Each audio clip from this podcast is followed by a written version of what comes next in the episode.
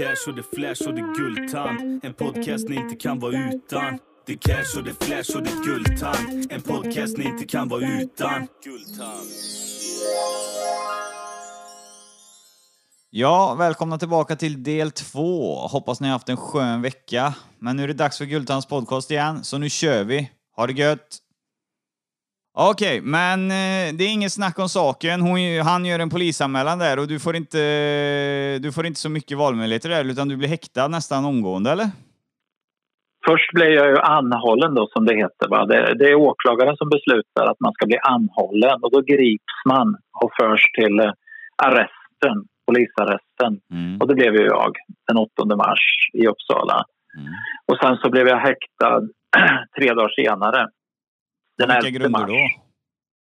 Ja, det var då att det fanns sannolika skäl för att jag hade våldtagit henne. Att jag hade våldfört mig på henne ehm, eh, när hon inte var medveten om det. Hon, hon gav inte sitt samtycke, sa hon. Utan plötsligt hade jag haft sex med henne när hon sov. Mm. Det var hennes påstående. då. Okej. Och det, det trodde man väl på så pass mycket att man ansåg att det fanns sannolika skäl för det.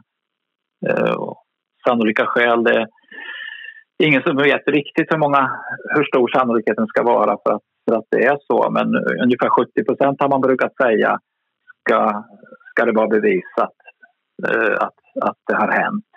Okej. Och, och det ansåg man väl då genom hennes berättelse och genom att hennes kompis sa att eh, hon hade däckat under vårt telefonsamtal. Alltså att, att Emma hade eh, somnat under det, under det samtal vi hade i soffan där uppe framför, framför tvn. Okej. Eh, Så det var ju stödbevis, stödbevisning brukar man kalla det. Va? Att det fanns ett vittne som, som kunde ge visst stöd åt hennes berättelse att hon hade däckat. Mm. Ja, ja, när det är vittnen med då blir det ju betydligt, eh, ja, då tas det ju på mer eh, allvar eller vad man säger. Ja, Ja. Så.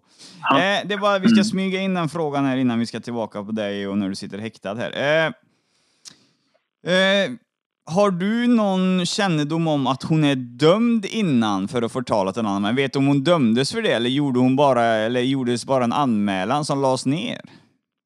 Senare blev hon dömd för det. Det, det blev hon i våras. Okej. Alltså eh, ett par månader efter att jag hade släppt. Någon gång i april var det väl, april, maj någon gång. Eh, innan hade hon inte blivit dömd för någonting. Men jag visste ju att hon var åtalad för det där. Mm. Eh, det tycker jag ju är eh, hur man ska uttrycka sig på ett smidigt sätt. Jag tycker det är försvårande av eran utredning. Om det är en tjej som döms för att ha manipulerat då en våldtäkt innan. Eh, jag tycker personligen att då bör man ju se över situationen noggrannare om personen är känd för sånt innan, men jag vet inte. Alltså hon var inte, hon var inte känd innan för att ha manipulerat. Alltså det var hon i det här. Det finns två utredningar tidigare, va? en 2017 och en 2018. Och, och det, hon var åtalad för förtal i den som gällde 2017. Och förtal behöver ju inte betyda att hon har manipulerat. Då har hon bara eh, avslöjat hans namn och berättat vem han var som hon sa hade våldtagit henne. Va? Okej. manipulationer, det fick man klart för sig att det var i det andra fallet, 2018. Då hade hon manipulerat genom att eh, återställa sin telefon till exempel. För när polisen bad att få den så lät hon fabriksåterställa den så att det inte skulle finnas någonting kvar på den. Och lite sådana grejer. Så att när man väl fick in 2018 års fall i utredningen då fick man klart för sig att han hade manipulerat.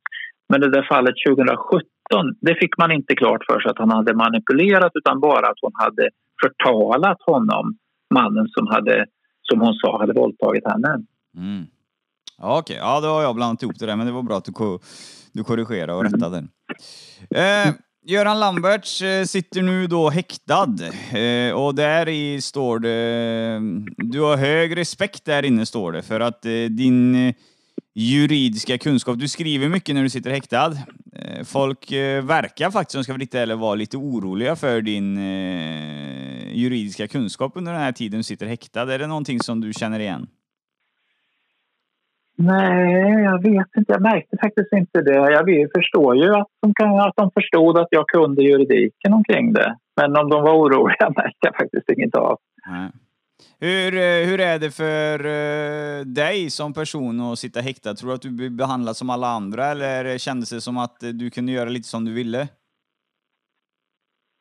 Svårt att säga. Alltså jag, märkte, jag tyckte att folk var väldigt snälla och trevliga eh, nästan hela tiden. Eh, men jag vet ju inte om de är det även mot andra. Det var inte något kryperi av något slag och inga förmåner som jag tyckte jag fick. Eh, eh, så att jag förstod inte i varje fall att jag blev särbehandlad.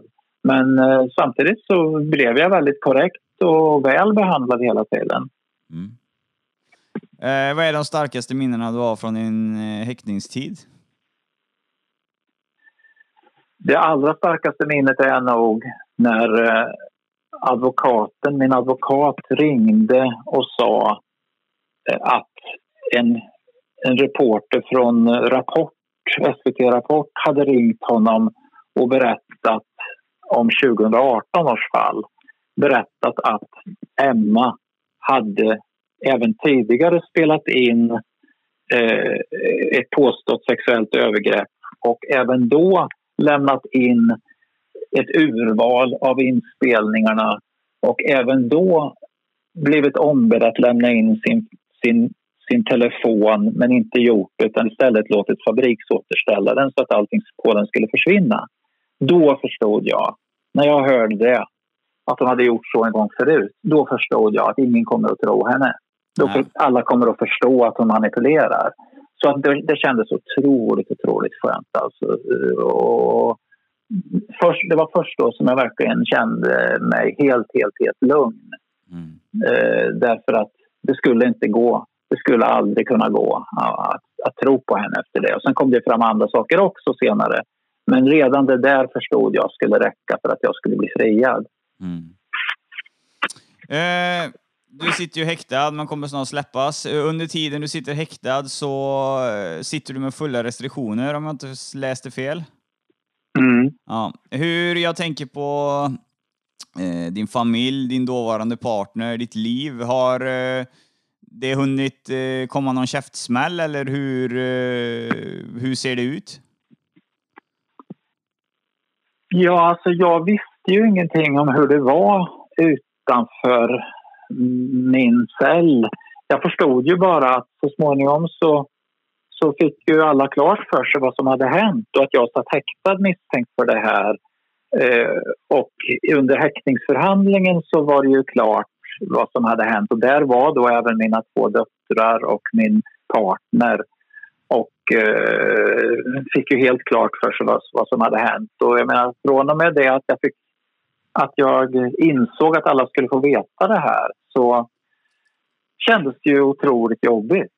För att det, jag förstod ju att det här är ju en helt förfärlig sak att gå igenom för dem. Så att eh, det led jag ju mer utav än jag led av mitt eget frihetsberövande kan jag nog säga. Eh, att, att vetskapen om att, att att de kanske var jagade och att det kändes otroligt jobbigt att inte veta vad som hade hänt och så där. Så det var en helt förfärlig upplevelse. Mm. Lämnar eh, din partner dig redan under häktningsförhandlingarna eller lämnar hon dig överhuvudtaget? Nej, hon lämnar mig inte utan vi är ett, par. Är det hon du är ihop med idag? Mm. Aha, okej, ja då förstår jag vinkeln. Men du, vad fan, det stod väl att du var singel ett tag eller? Var inte du singel sist gång vi gjorde intervjun? Eh, tills de gjorde vad sa du? Eh, när vi gjorde första intervjun, del 1, var inte du singel då till mig sa du?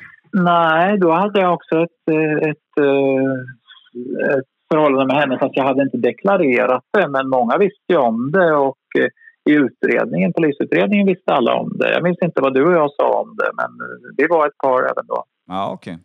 Hur, eh, hur uppfattar hon den här situationen? För det blev ju, Eh, det är ju inte våldtäkt, eh, det är du friad från, men eh, du var ju fortfarande 100% otrogen.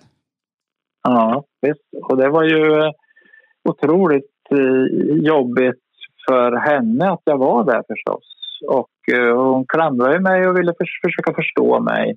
Och jag fick förklara under långa, långa, långa samtal hur det kunde bli som det blev. Och sen så småningom så, så förlät hon mig kan man väl uttrycka det som. Och eh, tycker fortfarande att, det var, eh, att jag var en skitstövel och att det var eh, hemskt sak jag gjorde som, som hade sex med, med Emma. Eh, på fyllan så att säga. Men hon, hon är en, en väldigt bra person som, eh, som eh, väl har sagt sig att sånt här kan hända och om jag lovar att aldrig mer vara otrogen och aldrig mer försätta mig i en sån här situation så kan hon förlåta mig och det har hon gjort. Okej. Eh, det är ju bra för er att ni har kommit till en mötande... Ja, att ni har mötts och rätt upp det. I alla fall, Ja. du sitter eh, häktad i två veckor va? Ja, om man räknar anhållningstiden. Jag var frihetsberövad i två veckor, alltså, eller 15 dagar Ja. sammanlagt. Eh, Är det, under den här eh, är det under den här tiden du planerar att eh, göra en stämningsansökan på en miljon kronor? Är det under den här tiden? Ja, det är det. Eh, vad är det i, i själva de här två veckorna som gör att du bestämmer dig för att lämna in en sån här ansökan på en sån stor summa? Eh, summan till att börja med, den valde jag bara för att eh, Eh, det skulle bli ett belopp som var runt och jättestort och lite chockerande och aldrig kunna leda till någon till att staten sa eh, det går vi med på. Så det, var ett, det var ju ett alldeles, alldeles för högt belopp. Så, säga. Så mycket kommer jag ju aldrig att få. Eh, så det, det är vad som finns att säga om summan. Men att jag valde att överhuvudtaget stämma staten det var för att eh, jag insåg allt eftersom att polis och åklagare hade gjort ett alldeles, alldeles för dåligt jobb. Man hade inte undersökt Emma överhuvudtaget utan trott på vad hon sa och inte provtryckt hennes berättelse, inte undersökt de tidigare fall som hon hade varit inblandad i, inte undersökt vad hon var för en person. Hade man gjort en, en, en enkel undersökning av henne så hade man ganska snart kommit fram till att hon, hon var en person som många gånger under sitt liv har anklagat män för sexuella övergrepp. Jag vet inte hur många gånger, men åtskilliga gånger i alla fall. Det är inte bara de här gångerna som hon som har varit uppe i domstol eller polis, hos polis och åklagare utan många gånger tidigare också. Ja, det är ju Och, eh, anmärkningsvärt. Ja, och, så att det tycker jag att man skulle ha tagit reda på. Va? Man, man gjorde alltså en otroligt dålig utredning. Och när jag berättade som det var då kunde man ju naturligtvis inte bara tro på mig genast men då skulle man ha jämfört min berättelse med vad som framstod som, som sannolikt och möjligt och då skulle man ha, ha eh, sett att alla de här grejerna som talade för att, att hon ljög de visade faktiskt också att hon ljög. Och man, man kunde se till exempel att hon hade, hon hade raderat ett meddelande från den tidpunkt då hon skulle varit däckad. Och av det där meddelandet kunde man se att hon var absolut inte däckad utan hon var vaken. Och bara det faktum att hon hade raderat ett meddelande från, från den tidpunkt då vi hade sex är ju misstänkt och konstigt. Och det är inte bara misstänkt och konstigt utan det för mig visade ju att hon hon la upp det här. Hon manipulerade och, och ljög och försökte bedra sig till pengar och en, en, eh, att jag skulle bli dömd. Va? Så att, eh, för mig står ju allt klart hur, hur hon gjorde och varför hon gjorde det. Nej, inte varför hon gjorde det, det förstår jag kanske inte riktigt. Men att hon, var, att hon ljög, det var ju helt klart. Och, och hur hon försökte dölja vad hon hade gjort och sådär. Mm. och det stod ja. så småningom klart för andra också. Ja, absolut. Du- är ju friad så att... eh, Och det antar jag att eh, det är grundligt gjort så att är man inte skyldig då ska man frias. Men såklart så låter det ju detta som, alltså om man pratar ut bland svenska folket så låter det ju som, det kommer ju upp titt som tätt här nu. Nu var det ju Kinnaman, Joel, han är ju en stor svensk skådespelare.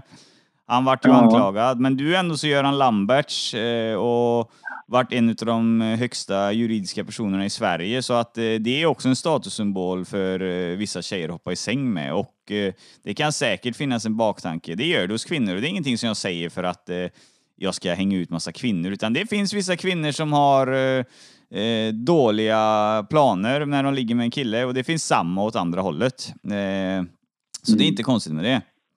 Eh, I alla fall. Nej, det kan nog vara så. Det, det, det lägger jag mig inte i, men jag vet ju så mycket som att hon hade det. Hon var en sån person som... som eh, varför hon gjorde det vet jag inte riktigt, men att hon ljög, den saken är ju helt Hon hittade på helt enkelt. Ja, eh, och, ja, ja, ja, vad fan ska man säga? Det, som det ser ut här nu, du är friad och du, det, det ser ju bara ut egentligen Tyvärr så ser det bara ut så för henne att det var ju av ekonomiska skäl det här. eh, Jag ser ingen annan anledning. Alltså, för att skada Ja, dig. det kan nog finnas det kan nog finnas andra skäl också, alltså, än ekonomiska. Det är svårt att veta hur en person så, fungerar, men det kan nog ha varit... Eh, hon fick en väldigt massa positiv uppmärksamhet efter att det här hade hänt. Och hon fick en grupp som hette Stötta Emma eh, som ställde upp för henne i den där förtalsrättegången. Hon fick en väldig massa stöd från, från folk som sa... Den förre justitiekanslern, till exempel, Anna Skarhed, sa att hon var, en, hon var en kvinna som hade råkat väldigt, väldigt illa ut, sa hon i söndagsintervjun med eh, en söndagsintervju i Sveriges Radio. Det var en väldig massa människor som gav henne starkt stöd trots att hon hade begått det här brottet va, och anklagat mig falskt. Så att, och hon visste nog kanske att så funkar det.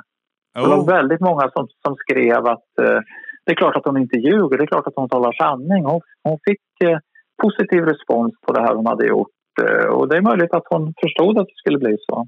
ja, absolut. Och det kan, det kan, ju, vara, det kan ju vara lockande så att säga. Ja, nej, jag står fortfarande fast vid det här också, vid det ekonomiska. För desto kändare du blir på social media och större sidor du har och större medhållning av folk du har, desto mer kommer folk gå in och vilja göra reklam där och grejer. Så det leder också till pengar i slutändan om du blir stark inom den sociala medien. Så att eh, det... Mm, hända. Men ja, ja, det är upp till henne. Eh, eh, häktningstiden två veckor. Eh, går du direkt till domstol eller släpps du eh, i väntan på dom? Eller hur går det till? Då, den 23 mars, då släpptes jag och då la man också ner utredningen genast i samma veva så att säga. Så att man eh, kom fram till att bevisningen inte skulle räcka och att man därmed la ner utredningen. Eh, så det, blir, det blir ingen dom då, va? utan då blir det bara så att man släpps och eh, eh, därmed är det slut. Okej. Eh, så du sitter aldrig i någon domstol då med domare? Ni sitter vid, så här, du vet, som man ser vid sida, ena sidan och andra sidan och sånt här? Vid, ja, vid häktningsförhandlingen så var det så. Alltså när jag blev häktad, då var det en förhandling den 11 mars då eh, jag satt på ena sidan med min advokat och åklagaren satt på andra sidan. Ja. Men det är då ingen, det är då ingen, ingen, ingen stor förhandling där man tar fram alla bevis och sådär utan det handlar bara om, om huruvida man ska bli häktad eller inte. Om utredningen räcker till för att man ska få fortsätta att sitta. Men en sån förhandling var det alltså. Mm, mm. Ja, och där blir du friad. Det, det första du gör i stort sett när du blir friad och släppt, det är ju... Du sammankallar en presskonferens eh, hemma hos dig. Ja, alltså jag... Eh, det låter lite mycket att man sammankallar en presskonferens men det var många som hörde av sig och ville intervjua mig och jag försökte få någon att ordna så att vi kunde, eh, vi kunde ta alla på en gång. Och jag bad TV4 att eh, försöka ordna någon plats i Uppsala där vi kunde ses och ha en pressträff. Och sen till slut så blev det så att, eh, att eh, vi var ändå i min trädgård för de de ville ordna eh, det här på en gräsmatta en kilometer från mitt hem och då sa jag det kan väl lika gärna vara i min trädgård. För det, det förslaget kom från TV4 att det skulle vara i min trädgård först och jag sa ifrån först men sen sa jag äh, vi kan väl vara där i alla fall då. Så att det var ju inte så att jag ställde mig upp och sa kom nu allihopa och lyssna utan det var så att det var en, en, ett tryck från en massa medier och jag försökte samordna det så att säga, och, göra, och kunna svara på alla frågor på en gång. Ja, ja. För att jag hade ju mycket att göra då. Väldigt mycket att göra på kvällen och, och, och natten sen efter så jag ville inte sitta i massor med intervjuer utan ville försöka få det överstått. Vad var det jag skulle säga med eh, eh, Emma då? Eh, eran kontakt den är helt avslutad eh, redan innan eh, du sitter häktad eller hur?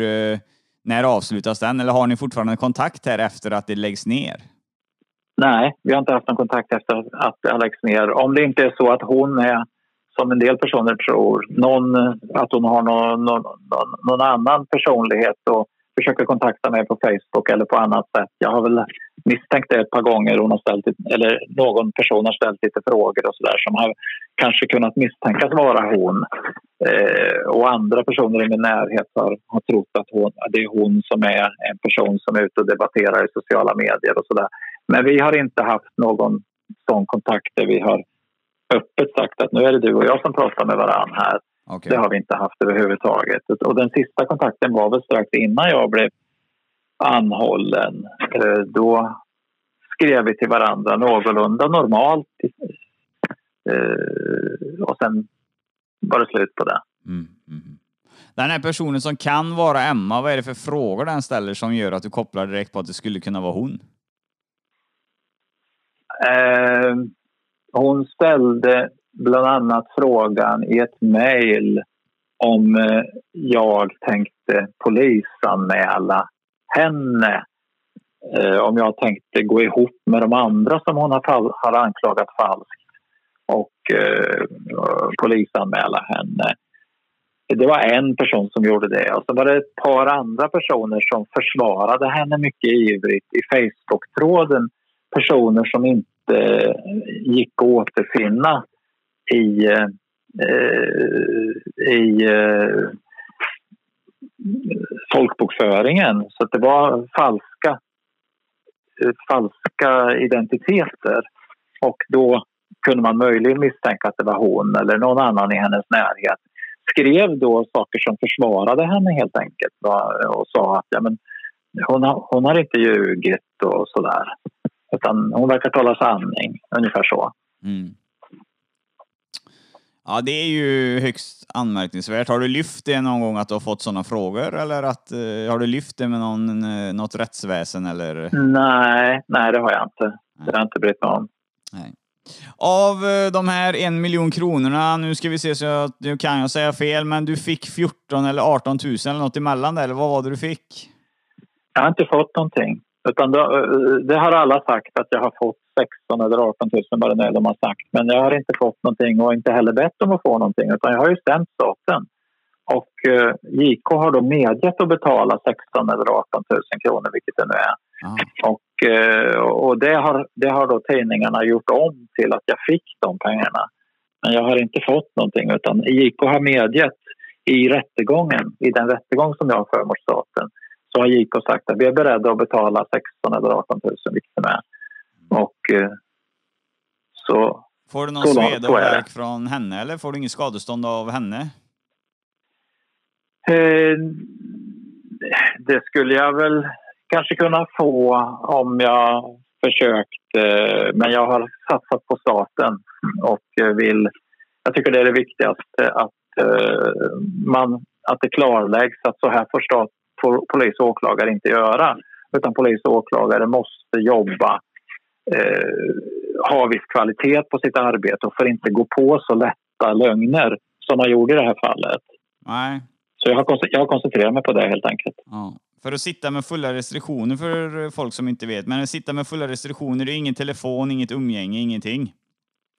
Nej. Eh, och då får man väl, eh, om jag inte minns fel här nu eller säger fel, så får man väl högre ersättning om man har suttit med, med fulla restriktioner än att ha suttit vanligt. Ja, det får man väl lite grann, ja. Eh, och det, det har jag inte heller gjort någon sak av utan jag, jag bryr mig bara om det här att, att försöka få eh, en domstol att klargöra att så här får åklagaren inte göra. Åklagaren får inte arbeta så här slarvigt och, och gå på sådana här lätta lögner och inte undersöka någon persons bakgrund. Man får inte häkta en person på så himla lösa boliner va? Som, som jag blev. Det är det som jag tycker är det viktigaste. Mm. då förstår jag. Nu har vi tagit eh, en helhet om hela själva händelseförloppet och eh, jag tycker vi har fått en bra helhetsbild av det hela. Nu ska vi gå igenom några sådana här punkter som jag har skrivit vid sidan om bara base. De, kommer ju hoppa lite, de är lite hoppande nu, det finns inget sammanhängande i det, men det är lite som eh, lyssnare då har skickat in som jag ska eh, lyfta då. Eh, så vi börjar med Göran Lambers. Du uppger själv och har gjort i olika eh, intervjuer att du blir kladdig när du dricker. Eh, känner Mm. du där att eh, du har något ansvar att berätta det för eh, tjejer till exempel innan du festar med att du kan bli kladdig till exempel eller ge fan i spriten överhuvudtaget? Vad, hur känner du kring den frågan? Alltså normalt har jag inte känt något sånt ansvar. Men eh, eh, här gjorde jag det. Till henne sa jag någonting sånt. Va? Och eh, tyckte att jag skulle göra det så att, eh, så att det inte blev någonting och ville få hennes hjälp så att säga. Så att, eh, eh, ingenting hände så att säga. Jag hade ju det i, i, i tanken att jag vill inte att någonting ska hända. Och det, Eh, annars brukar jag nog inte göra det, även om jag kanske har gjort det någon gång. Mm. Okej, det är svar nog på frågan. Eh, sen så har vi den här frågan. Hur känns det för dig som person att bli anklagad för ett sånt här brott? Ja, det är ju eh, tråkigt att bli anklagad, fast själva anklagelsen den bryr jag mig inte så mycket om för att den är ju lögnaktig, så det spelar inte så stor roll. Eh, det finns ju människor som ljuger och, och det bekommer inte mig så mycket egentligen, utan det är bara att konstatera att en del människor ljuger och eh, det går mig inte till sinnes. Jag, jag berörs inte av det. Det var ju själva häktningen, frihetsberövandet, som var jobbig. Mm. Eh, kom de hem och hämtade dig i huset eller? Ja, det gjorde de. Eh, Blev bojad eller bojar de dig, en sån person som dig? Nej, det gjorde de faktiskt inte. Nej. Det gjorde de faktiskt inte. Nej, men du, jag tänker, det är ju inte så, men du är ju betydligt äldre än vad jag är. Sen så är du väl inte, du är väl inte känd för att vara våldsam heller. Och det har de väl med i betänkandet, kan jag tänka mig. Ja, ja det var de nog. Ja. Det var de nog kanske. Det var bra svar på frågan. Här har vi en till. Har du mottagit mycket hat efter det här? Ja, det har jag. Det var mycket hat i eh, sociala medier eh, ett tag efter att jag hade släppt fri. Och jag skriver en del om det i min bok och citerar ett antal personer. Mm. Och det var ganska omfattande. Både folk som skrev kort och brev och sms och meddelanden av annat slag. Och på Facebook. Så, där. så att det var... Det var jag vet inte hur många personer det var, men det var, det var ganska många. Det kändes omfattande. Det var mer än jag har varit med om tidigare. Jag har ju varit med om sådana här kampanjer tidigare när jag har eh, debatterat framförallt kvickfrågan. Och det här var mer än det, än det var då i form av hat. Det var det. Har du någon uppfattning om om det var mest kvinnor eller mest män som skrev hatet till dig? Mm, jag vet faktiskt inte. Just de där riktigt hårda haten som nästan inrymmer hot och ibland faktiskt också inrymmer hot, det var män tror jag. Mm. Eh, om vi säger att det var direkta hot eller implicita hot eh, så var det kanske tre eller fyra sådana. Och det var män genomgående förutom i något fall då, då det är anonymt men det är säkert också en man. Mm. Eh, det ser ut så. Eh, det som bara är hat och, och, och ut, att man far ut i en massa elakheter, det är nog mer kvinnor. Mm. Eh, det kan jag tänka mig. Eh, och så är det. Nej, men jag tycker eh, den frågan har vi eh, bommat igen. Den var bra svar på den med. Eh, jag tror lyssnaren själv är nöjd med det svaret, så vi går vidare. Eh, efter hela den här händelsen och eh, allting när du kom ut, hur har ditt liv förändrats av det här? Eh, inte så mycket, men lite grann. Eh, en del människor tar avstånd från mig. Jag har blivit eh, utsparkad från en bokcirkel till exempel och jag har blivit mer eller mindre anmodad att lämna en förening. Och jag har eh, mötts av eh, kyla och bortvända blickar lite här och där eh, från människor och ett antal vänner har eh, inte hört av sig och lite sådana saker. Så att eh, eh jag har känt en en motvilja och kritik från ganska många. Samtidigt som det har varit väldigt många som har varit väldigt snälla och trevliga och rara och bussiga och förlåtande.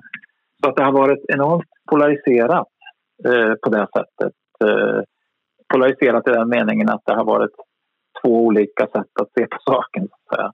Ja. Ja, det är ju...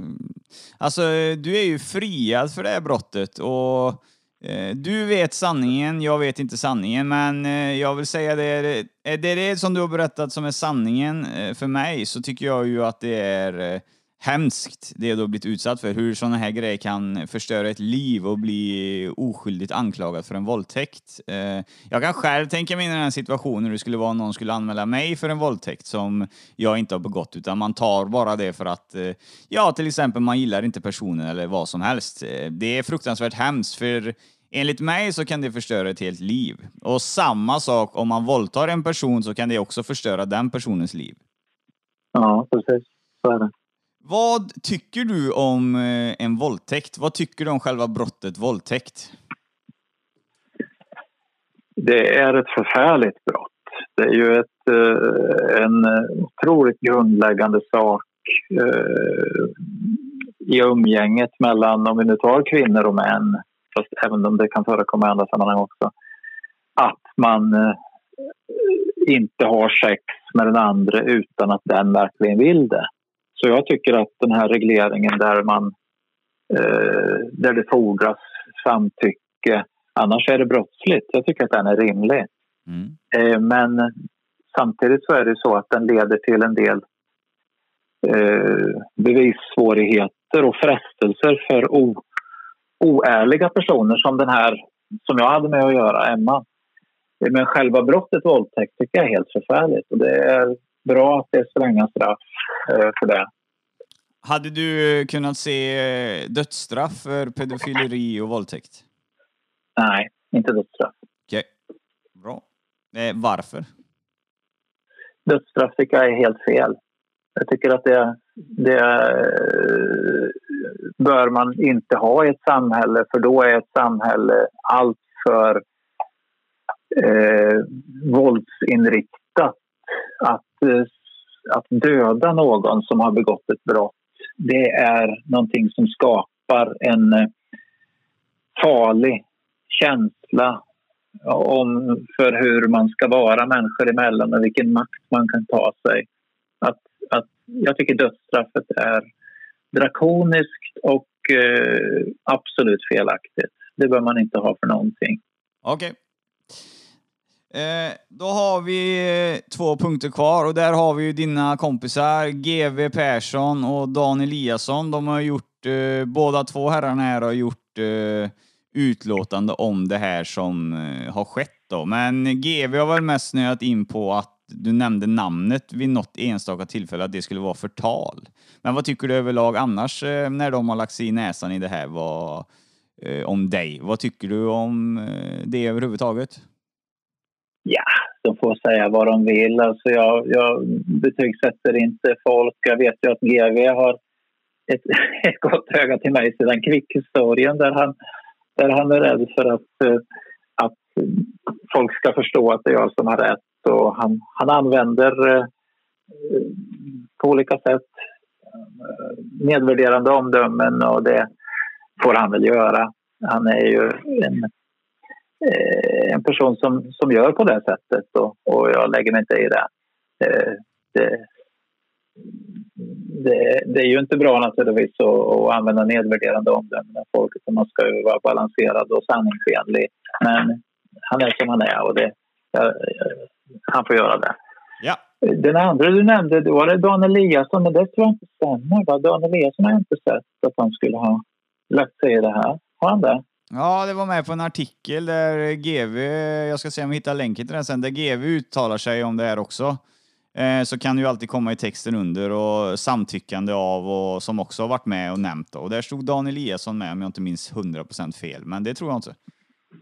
Jaha, jag har inte sett den faktiskt. För att det namnet skulle jag aldrig lägga på minnet annars. eh, För det är ingen person som Nej. jag varken vet vem det är eller eh, så. Eh, Nej. Du är säker på att det inte var Dan Josefsson då? Det kan det varit, i och för sig. Ja, det är mycket möjligt. Eh, Mm, Då hoppar alltså vi över det. Josefssons...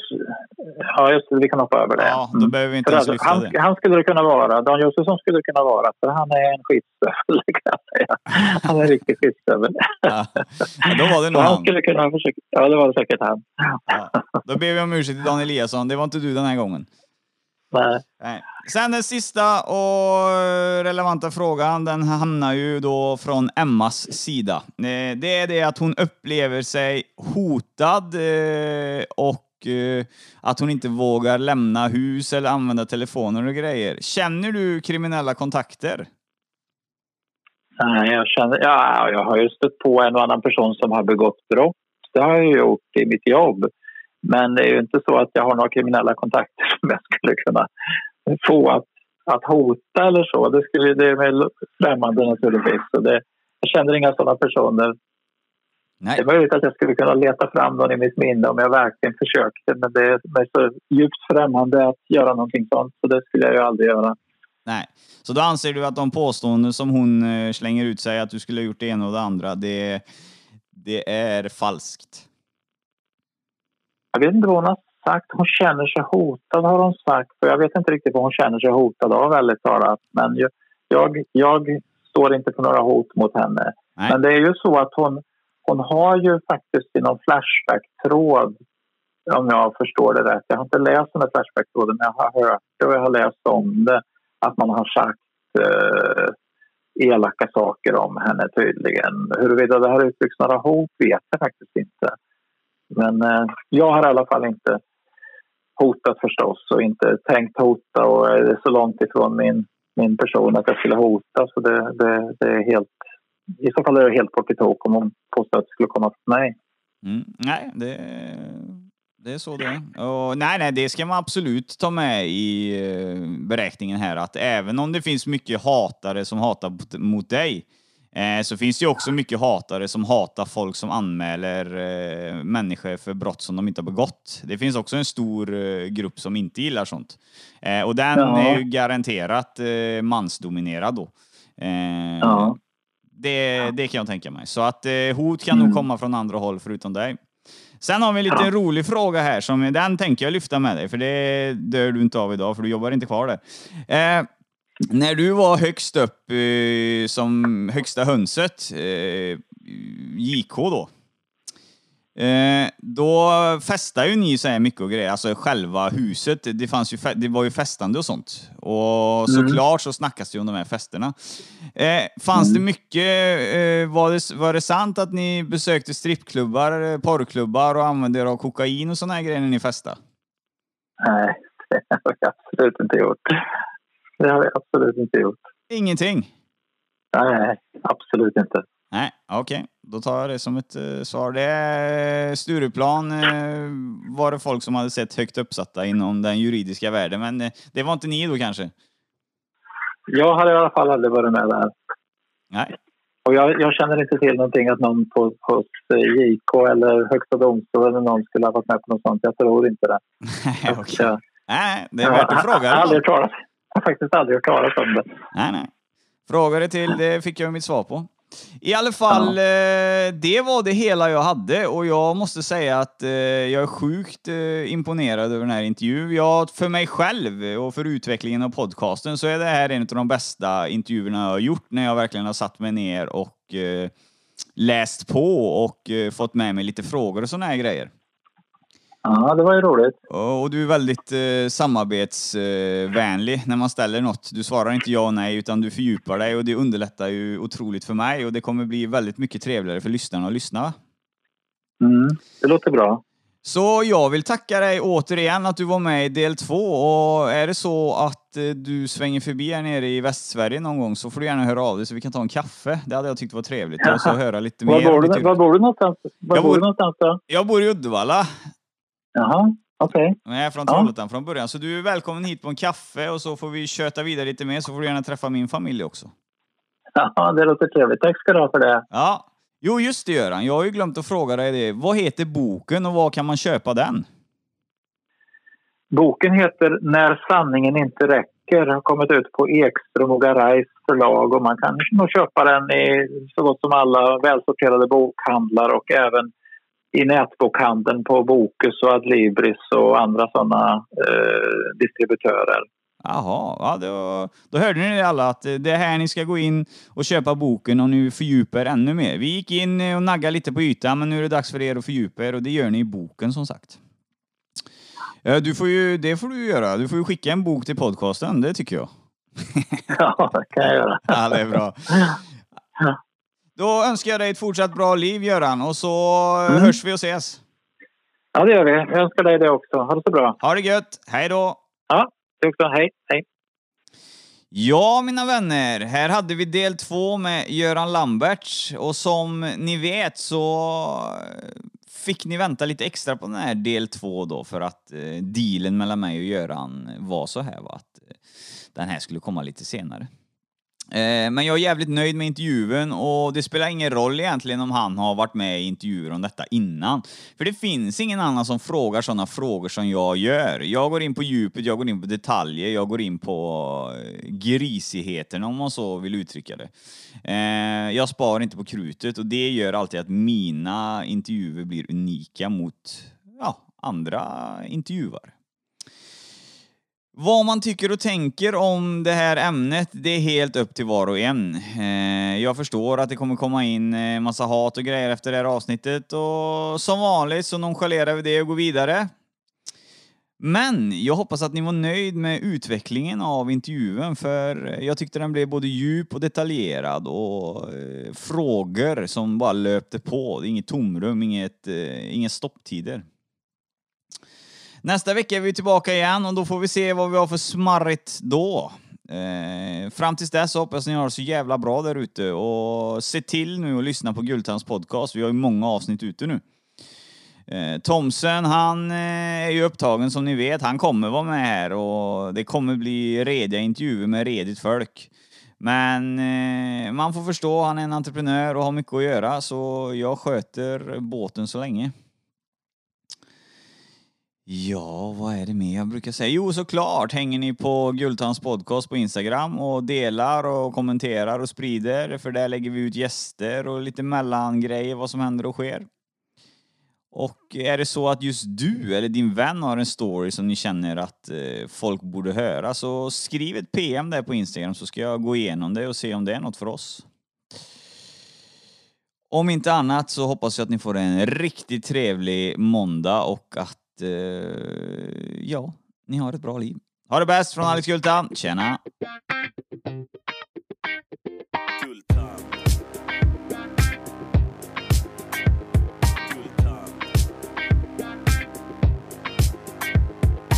Cash och det flash och det guldtand En podcast ni inte kan vara utan